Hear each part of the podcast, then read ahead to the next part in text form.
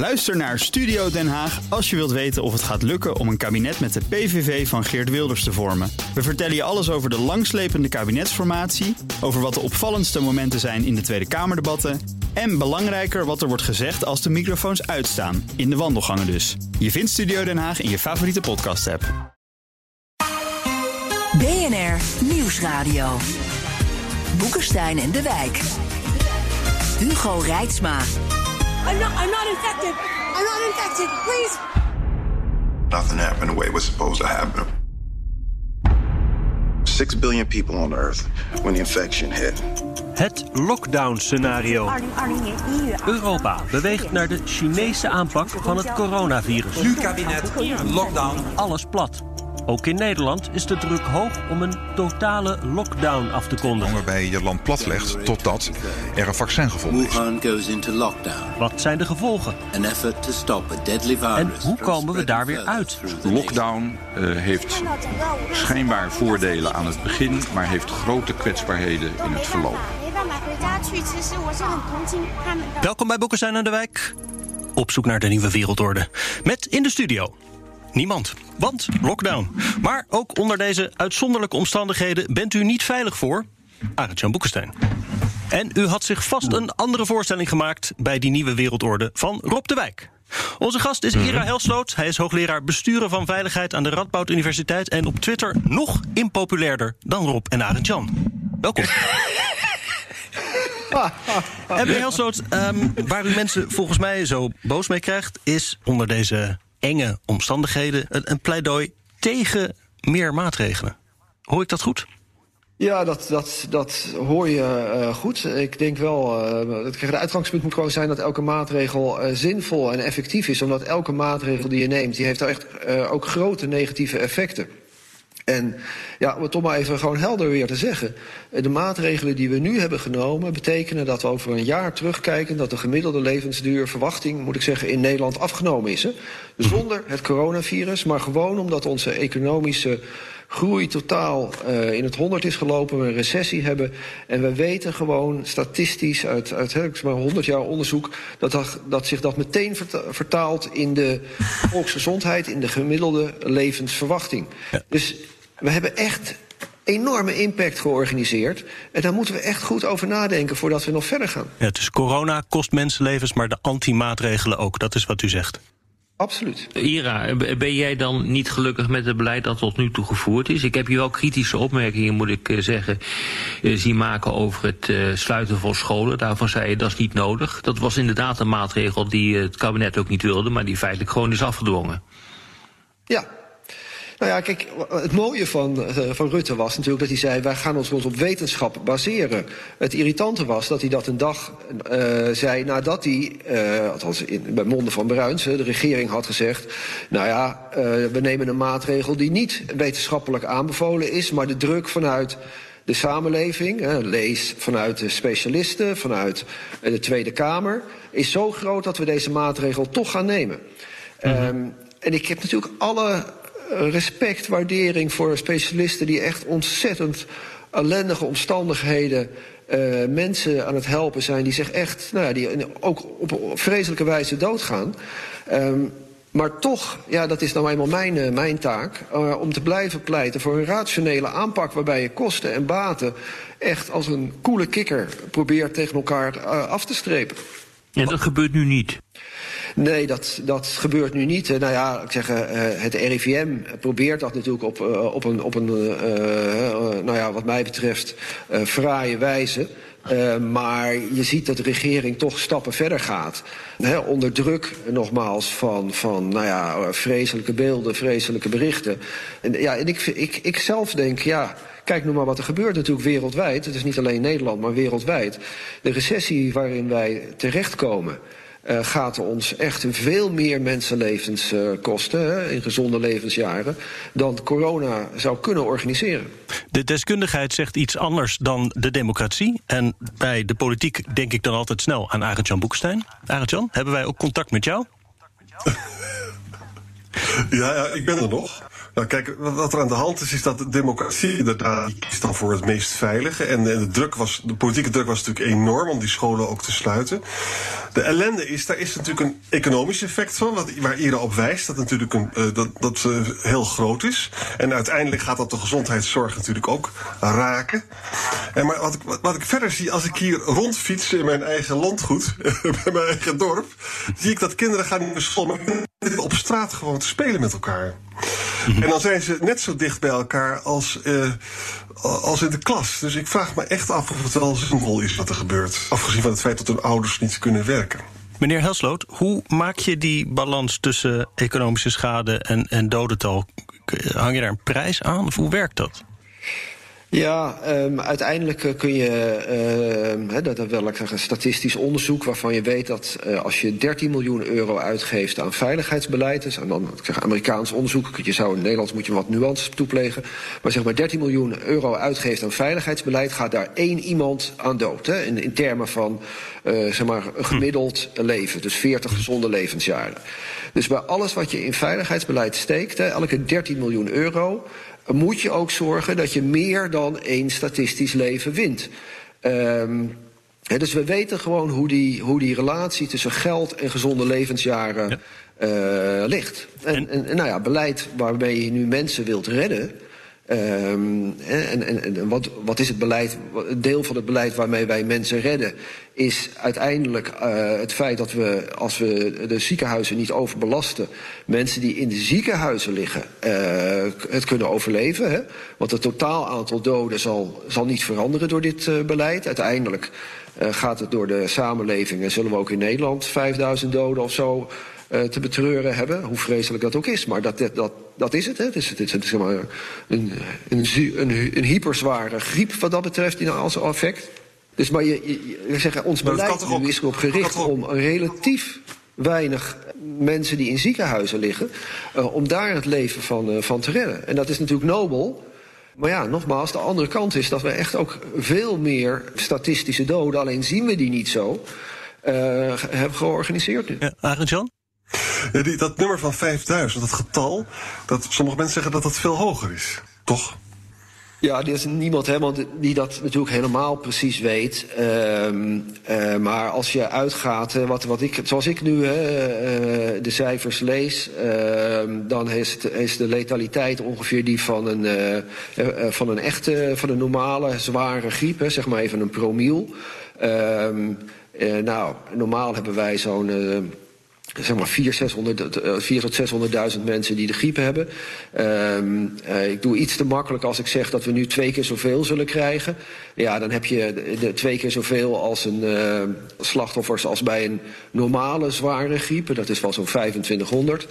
Uh, nou, dan, dus vandaar dat ik even op die 5000 uitkom. Maar, maar mag ik dan een uh, ander sommetje tegenhouden? Want ik hoor van de World Health Organization... die zeggen 0,3 tot 1 procent sterfte. Uh, RIVM heeft over 60 procent besmetting. Dan kom ik uit op 30.000 tot 100.000 doden. Dat is iets totaal anders. Hoe moet ik dat begrijpen? Uh, ja, nou, 0,3 procent is... Ja, dus als je uitgaat van 60 procent besmetting, besmetting, krijg je meer. Maar 0,3 procent zit niet zo heel veel van de, van de 0,1 procent af, hè, die ik hanteer. en die past bij, bij de Duitse cijfers, hè, die nog zelfs iets lager zijn op dit moment. Dus ja, dat klopt. Uh, als je uitgaat van een hoger percentage, een veel hoger percentage dus, dan op dit moment bij, bij zware griepepidemieën, waar we, laat ik zeggen, relatief niks aan doen hè, en die, die gewoon doorgaan. Ja, als je ervan uitgaat dat iedere Nederlander uiteindelijk besmet zou worden, ja, dan krijg je ja. nog veel meer slachtoffers. Het, het, is, er is niemand die het precies weet, hè, maar op dit moment zit ik meer in, zie ik de cijfers zoals ik ze lees, uitgaande van die promiel. En, en twee keer zoveel besmette mensen als bij, een, bij een zware griepaanval.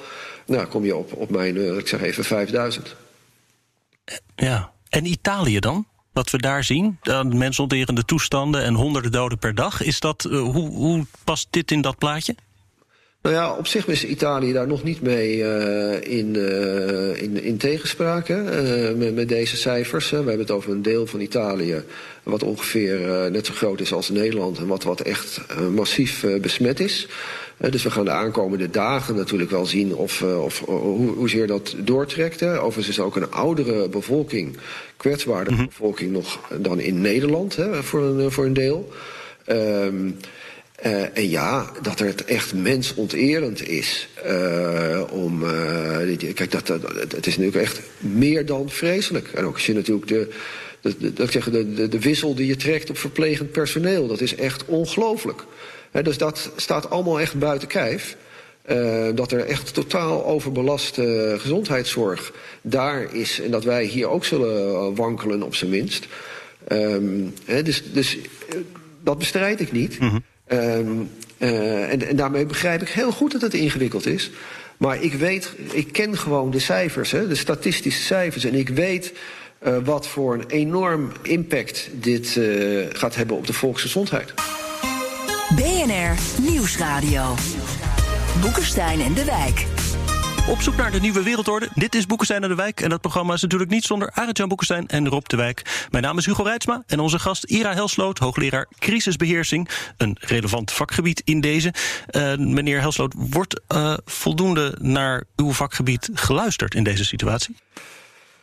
Ja, dat is een hele ingewikkelde vraag. Want uh, uh, ook voor uh, zeggen mijn vakgebied, hè, formeel besturen van veiligheid, geldt dat we nog niet, net als voor de, de infectieziektebestrijding, dat we in deze situatie um, vooral goed zijn om het achteraf te verklaren waarom dingen goed en slecht zijn gegaan. Maar dat voorspellen echt heel erg ingewikkeld is, vooral als het over de toekomst gaat. Dus, dus, dus nou ja, ik denk dat er, en ik weet natuurlijk dat op allerlei plekken adviseurs uh, rondlopen. Um, maar omdat wij, wetenschappers zeg ik maar even, ook niet met één tong spreken, is het wel heel lastig voor bestuurders om uh, naar ons te luisteren. Want naar wie luister je dan? Ja, maar dan horen ze hier, maar dan komt het gewoon op, op leiderschap aan. Uh, als je kijkt naar. Ik, zit nu in Frankrijk. Hè. Macron die heeft in zijn speech uh, drie keer gezegd: we zijn in oorlog.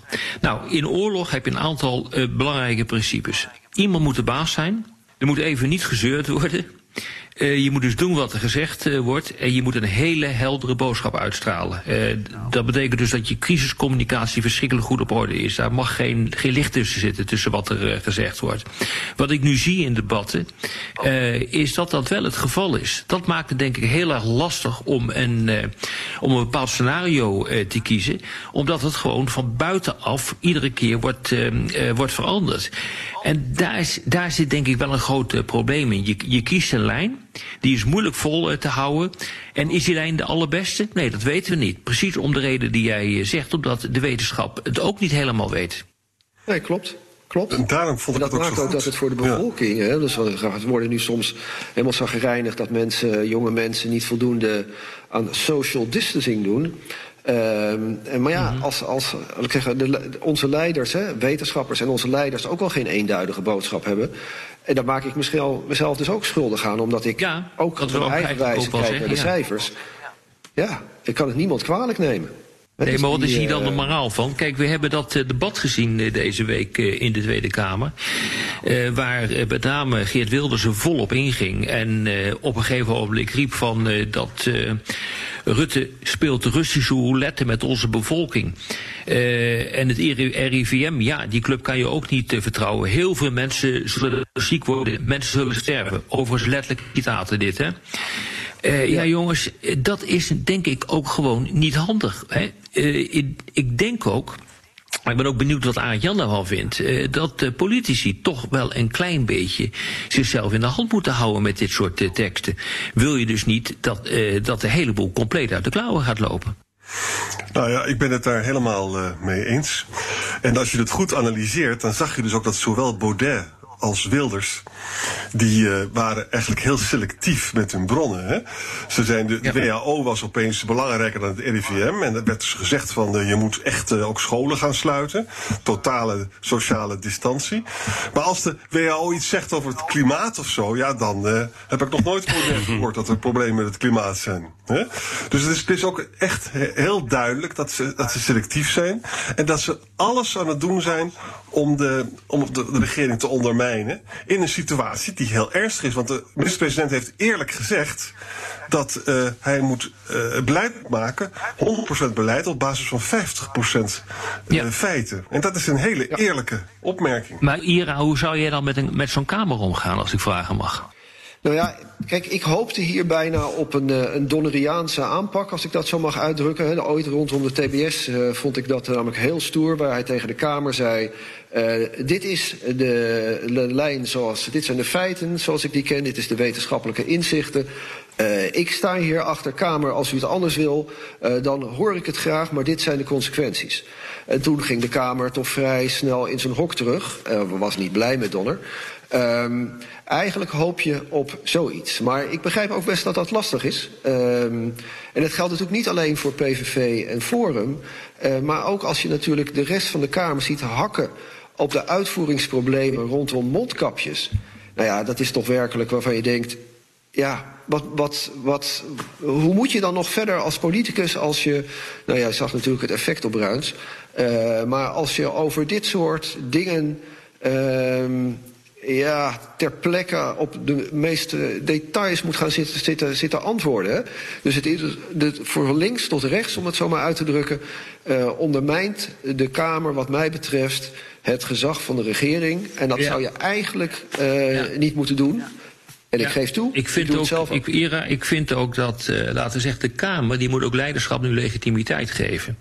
En dat is voor Kamerleden ongelooflijk moeilijk. Maar men snapt gewoon niet dat er in een crisistijd een, op een heel andere manier politiek bedreven moet worden. Natuurlijk uh, kun je kritisch zijn, natuurlijk moet je vragen stellen. Maar op het moment dat je bewust lijnen gaat verstoren, dan wordt de ramp alleen nog maar groter. Dat weten we gewoon uit onderzoek. Ik bedoel, jij bent hoogleraar, ik ben dat. We hebben ja. heel veel onderzoek naar dit soort dingen gedaan. En dat weten we zo langzamerhand, dat het dan totaal uit de klauwen loopt. En toch doen ze het niet. Eh, toch doen ze het niet. Hè. Daar is een soort ingebakken eh, behoefte om te scoren en om continu gewoon in de politieke modus te blijven staan. En daar zit echt wel een ja. groot probleem in hoor, vind ik. Maar mag ik nog iets vragen op dit ja, punt? De Kamer was bezig met uh, micromanagement. Waar de Wildersen en zo zeggen lockdown, alle grenzen dicht, dat soort dingen. Dat is toch in Wuhan ontzettend goed geslaagd. Zij zijn in een paar weken hebben ze de, het virus eronder gekregen, terwijl het in Italië uit de hand loopt. Waarom kiezen we dan niet voor de aanpak Wuhan? Nou ja, er is. Dus, ik, A, uh, uh, ik, ik, denk dat er heel veel mensen verbaasd zijn, wetenschappers, over de cijfers die nu uit China terugkomen en die suggereren, hm. uh, ik zeggen, dit grote effect. Uh, de andere kant is uh, dat tenminste, hè, de andere uh, kant ook daar geldt, dat in de perifere regio's van China, ehm, daar is nu gewoon weer honger. He, mensen hebben daar geen werk, ja. hebben hun, hun, hun, kleine vee, et cetera, zelf al opgegeten. Dus daar zit, zit, is het een enorm groot en negatief effect op de volksgezondheid in die regio's in China. Uh, dus ook daar kun je, nou, je kunt niet zomaar blij zijn hè, met de Chinese, uh, Chinese aanpak. Als je al hun cijfers volledig vertrouwt. En dat vind ik, uh, vind ik ingewikkeld. Mm. Bovendien, en dat heeft volgens mij Rutte ook helder uitgelegd, maar zeker Jaap van Dissel. Aan allerlei plekken in de wereld gaat het virus natuurlijk, die hebben helemaal geen, niet, niet die mogelijkheden, verspreidt het virus zich uh, ontzettend. En dit virus zal dus gewoon altijd bij ons blijven. Dus tenzij je van, van plan bent om de lockdown hè, constant vol te houden en alle contacten met het buitenland uh, uh, te verbreken. En dan inderdaad vanaf nu zeggen: iedereen die Nederland ingaat, komt, die moet altijd 14 dagen op zijn minst in quarantaine. Uh, ja, uh, als je dat niet wil, dan, zul je, dan, dan, dan werkt de Chinese aanpak gewoon niet. Nee, maar dat betekent dus ook, als je dat echt zou doortrekken, dat de handel ook helemaal stil komt te liggen. En dan zeker, gaan de mensen niet meer dood omdat eh, ze door een virus eh, worden gepakt, maar dan gaan ze dood omdat ze niet meer te eten hebben. Zo simpel is dat. En vandaar dus dat, eh, dat, dat gedoe over die lockdown. Ik bedoel, ik zit nu in Frankrijk, hier is een lockdown, je kunt niks. Ik moet een briefje invullen als ik het, als ik het huis uit ga om boodschappen te doen. Dan moet ik dus verklaren dat ik, dat ik inderdaad boodschappen aan het doen ben. Dus ik heb net een wandelingetje gemaakt, dan moet ik een briefje meenemen dat ik een wandelingetje aan het maken ben. Ik vraag me werkelijk af waar het goed voor is. Het is denk ik in belangrijke mate ook eh, symboolpolitiek. En als ik dan vervolgens kijk hoeveel mensen er nog op straat zijn en wat er allemaal in de supermarkt eh, is. Nou, eh, ik bedoel, dan zijn de, de besmettingen eh, legio. Dus het is ook, denk ik, ook maar net hoe je zo'n lockdown definieert. Maar als je dus echt zegt van alle grenzen dicht, niks komt er meer overheen. Nou, we hebben nu gezien wat er gebeurt eh, rond de Poolse grens, rond de Hongaarse grens. 30 kilometer file is al geen uitzondering meer van, van vrachtwagens. Maar er zit bij wijze van spreken wel ons eten in. En dat soort discussies, die moeten ook echt worden gevoerd hoor. En dat hoort ook bij de afweging die Ira eh, net heeft gemaakt. Tussen economie en volksgezondheid. Ik bedoel, daar zit een bepaalde balans in.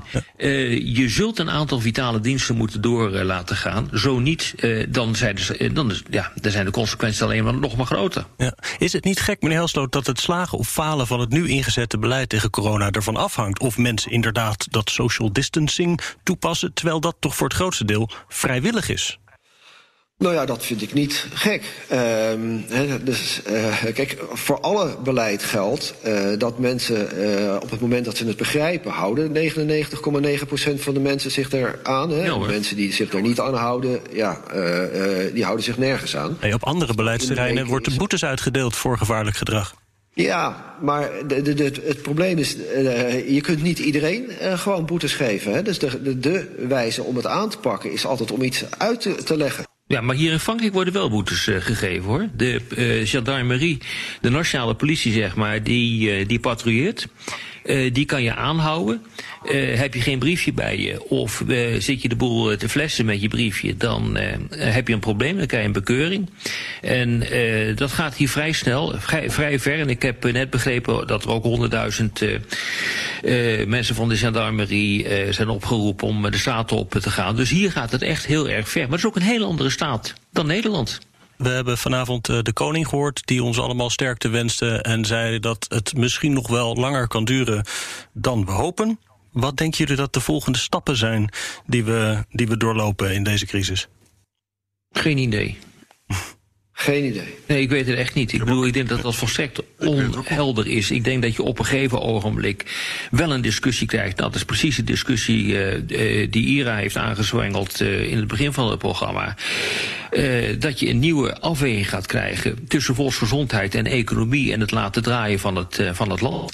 Ik denk dat je die gaat krijgen. Dat kan niet anders. Dat gaat nog een paar weken duren. En dan eh, denk ik dat je zo'n discussie gaat krijgen.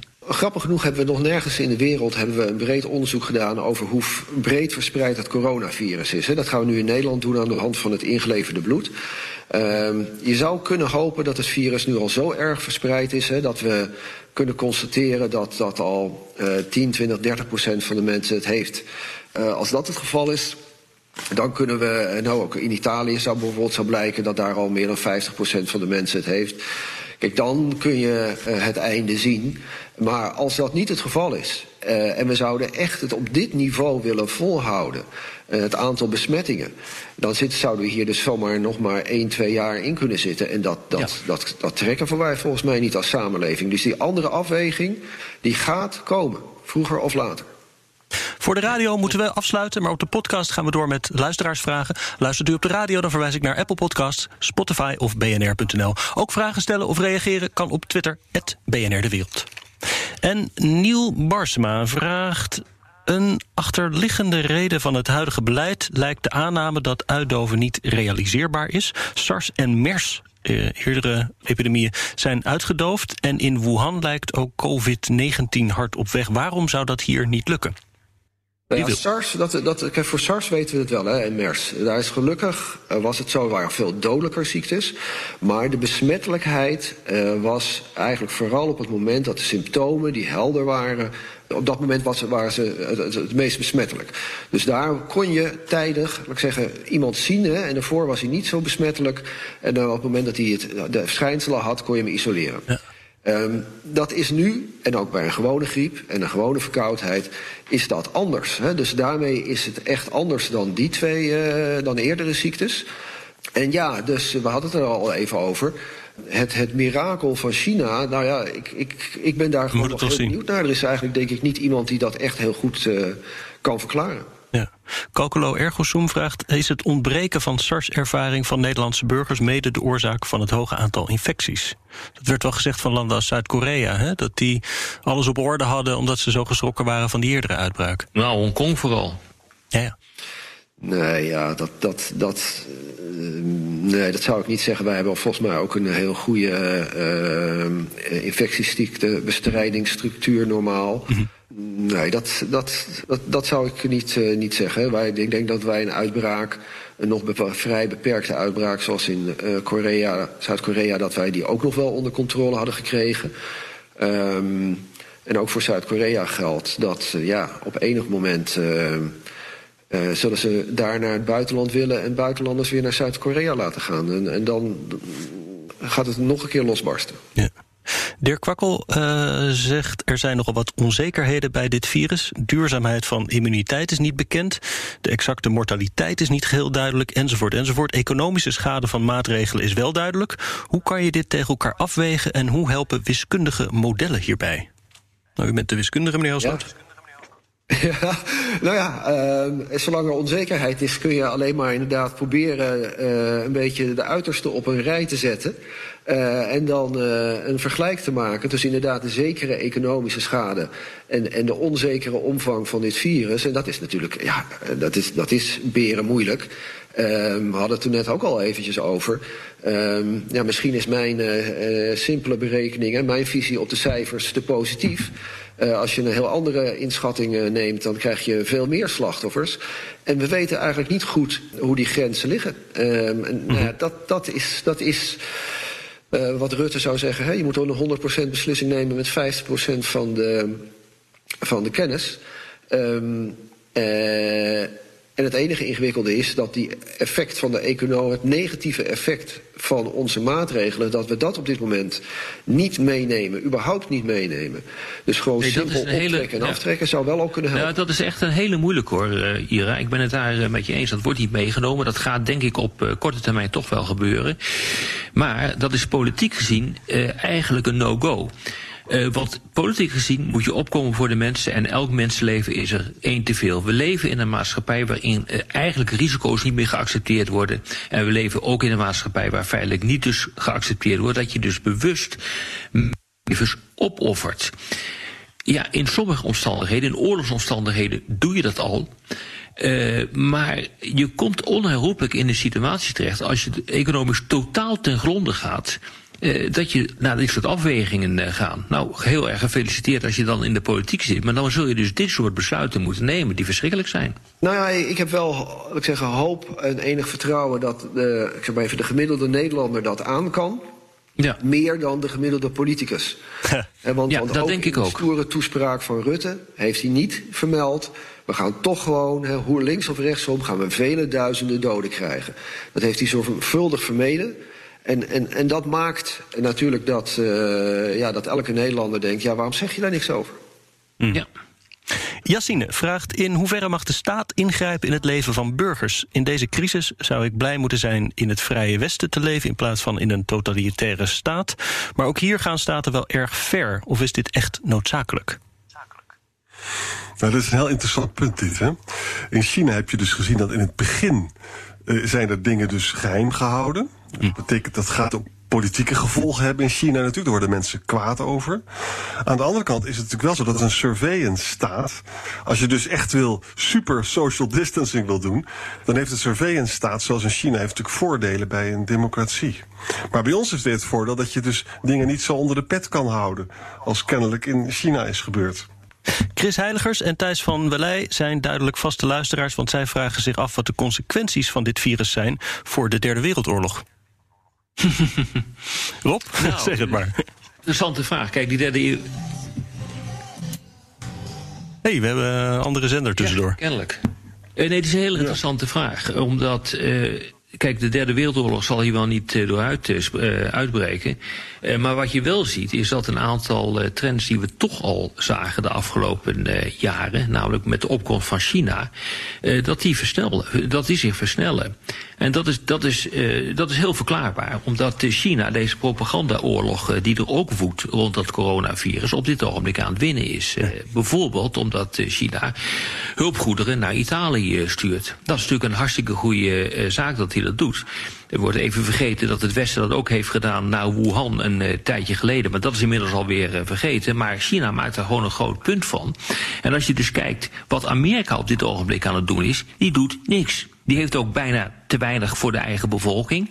En dat betekent dus uh, dat in deze hele discussie uh, en deze hele crisis China komt bovendrijven als een land dat het buitengewoon goed lijkt te doen op dit ogenblik. Het zijn allemaal beelden. Het hoeft helemaal niet zo, zo te zijn dat het echt zo is. Uh, maar daar kan China enorm veel garen bij spinnen. En als ze dat goed doen, ja, dan, dan, dan, dan komen ze als de winnaar uit deze crisis omhoog. En pakken ze ook, laten we zeggen, de wereldorde uh, in. Dat soort dingen ga je krijgen. Harold van Bracht vraagt nog naar uh, Poetin. Die heeft de tijd van zijn leven, denkt Harold. Paniek in het Westen. Ook nog stress op de oliemarkt. Biedt dit voor Rusland geopolitieke kansen? Nou ja, op zich natuurlijk wel. Alleen de vraag is of hij werkelijk geen probleem heeft met het coronavirus uh, in, uh, in Rusland. Dat heeft hij natuurlijk wel. Ik denk dat hij het gewoon onder de pet houdt. Mm -hmm. het, kan, het, lijkt mij onmogelijk voor een land dat aan China uh, grenst en aan Europa, dus dat wel helemaal omgeven is door het land, dat ze, dat, dat ze dat probleem daar niet hebben. Ik heb net ook een afzegging gekregen van een bijeenkomst die ik had in Moskou vanwege het coronavirus. Dus nou, daar is ook wel het een en ander aan de hand. En de lage olieprijs is misschien niet goed voor Poetin. Dat doet daar nee, ook pijn. Zeker niet, dan gaat hij failliet aan. Maar ze hebben wel uh, vrij grote reserves op dit ogenblik. Uh, Limbo Trader vraagt: Denken jullie dat dit een grote bocht is voor globalisme? Nee, dat denk ik niet. En dat heeft te maken met het feit dat globalisme, mondialisering, uh, die enorme economische verwevenheid, dat die niet makkelijk uit elkaar te trekken is. Uh, als je kijkt naar de mondiale bevoorradingsketens, hoe die in elkaar zitten, dan is het vrijwel ondenkbaar uh, dat je dat makkelijk uit elkaar kunt gaan trekken. We weten niet eens waar de goederen vandaan komen. Het, op één punt zou het mogelijkerwijs wel kunnen, en dat is het punt van het over grote afstanden vervoeren van, van vee en van, van een uh, van landbouwproducten in algemene zin. Dat zou nog wel eens hier kunnen. Maar voor de rest is de wereld zo verweven dat dat bijna onmogelijk is om dat te, te, uh, te veranderen. Tot slot, Ties van Weel uh, zegt... we kunnen er wel eeuwig over discussiëren, deze coronacrisis... maar één ding is zeker, dit zorgt straks voor meer Europese integratie.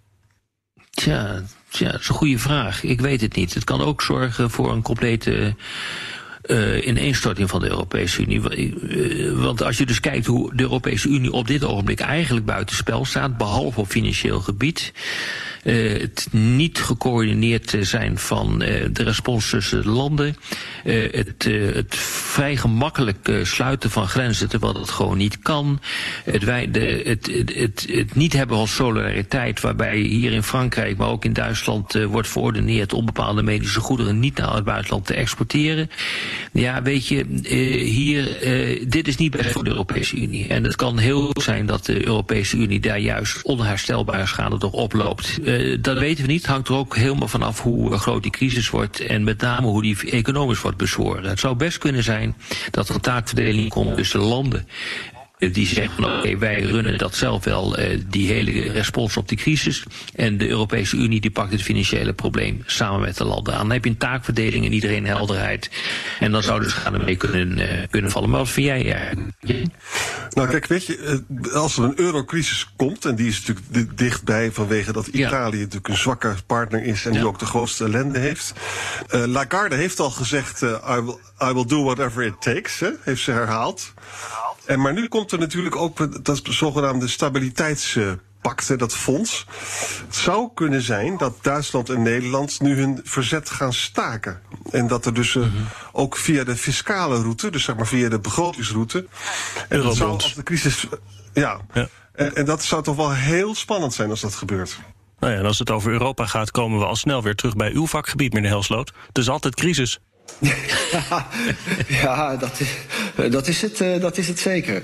Um, nou, in ieder geval zie je dat, de, ook wat Lagarde heeft gezegd, dat ik zeg maar even de Noord-Zuid transfer -hmm. van, van, van geld, hè, dat dat nu in versterkte mate plaatsvindt. Want alles wat de Europese bank, centrale bank, uh, nu obligaties, staatsobligaties uit het zuiden ko uh, koopt, hè, uiteindelijk betalen de noordelijke landen dat. Dus, dus ja die, die integratie. Uh, op economisch gebied uh, zitten we wel heel erg uh, nu aan elkaar vast, nog erger vast dan, dan eerder.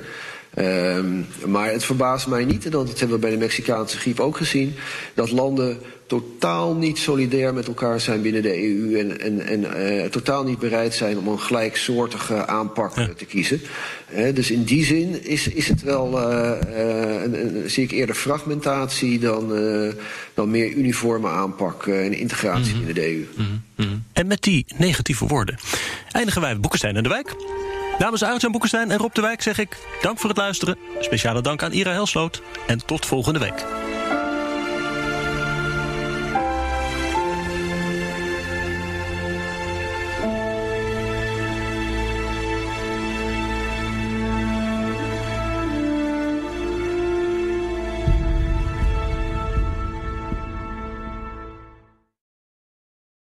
Ook Liesbeth Staats vind je in de BNR-app. Ja, heel handig. Luister live naar Kees en mij tijdens de Daily Move. Dan blijf je ook gelijk op de hoogte van breaking news en het laatste zakelijke nieuws. En daar vind je ook alle BNR-podcasts, waaronder de Perestrooikast. Download nu de gratis BNR-app en blijf scherp.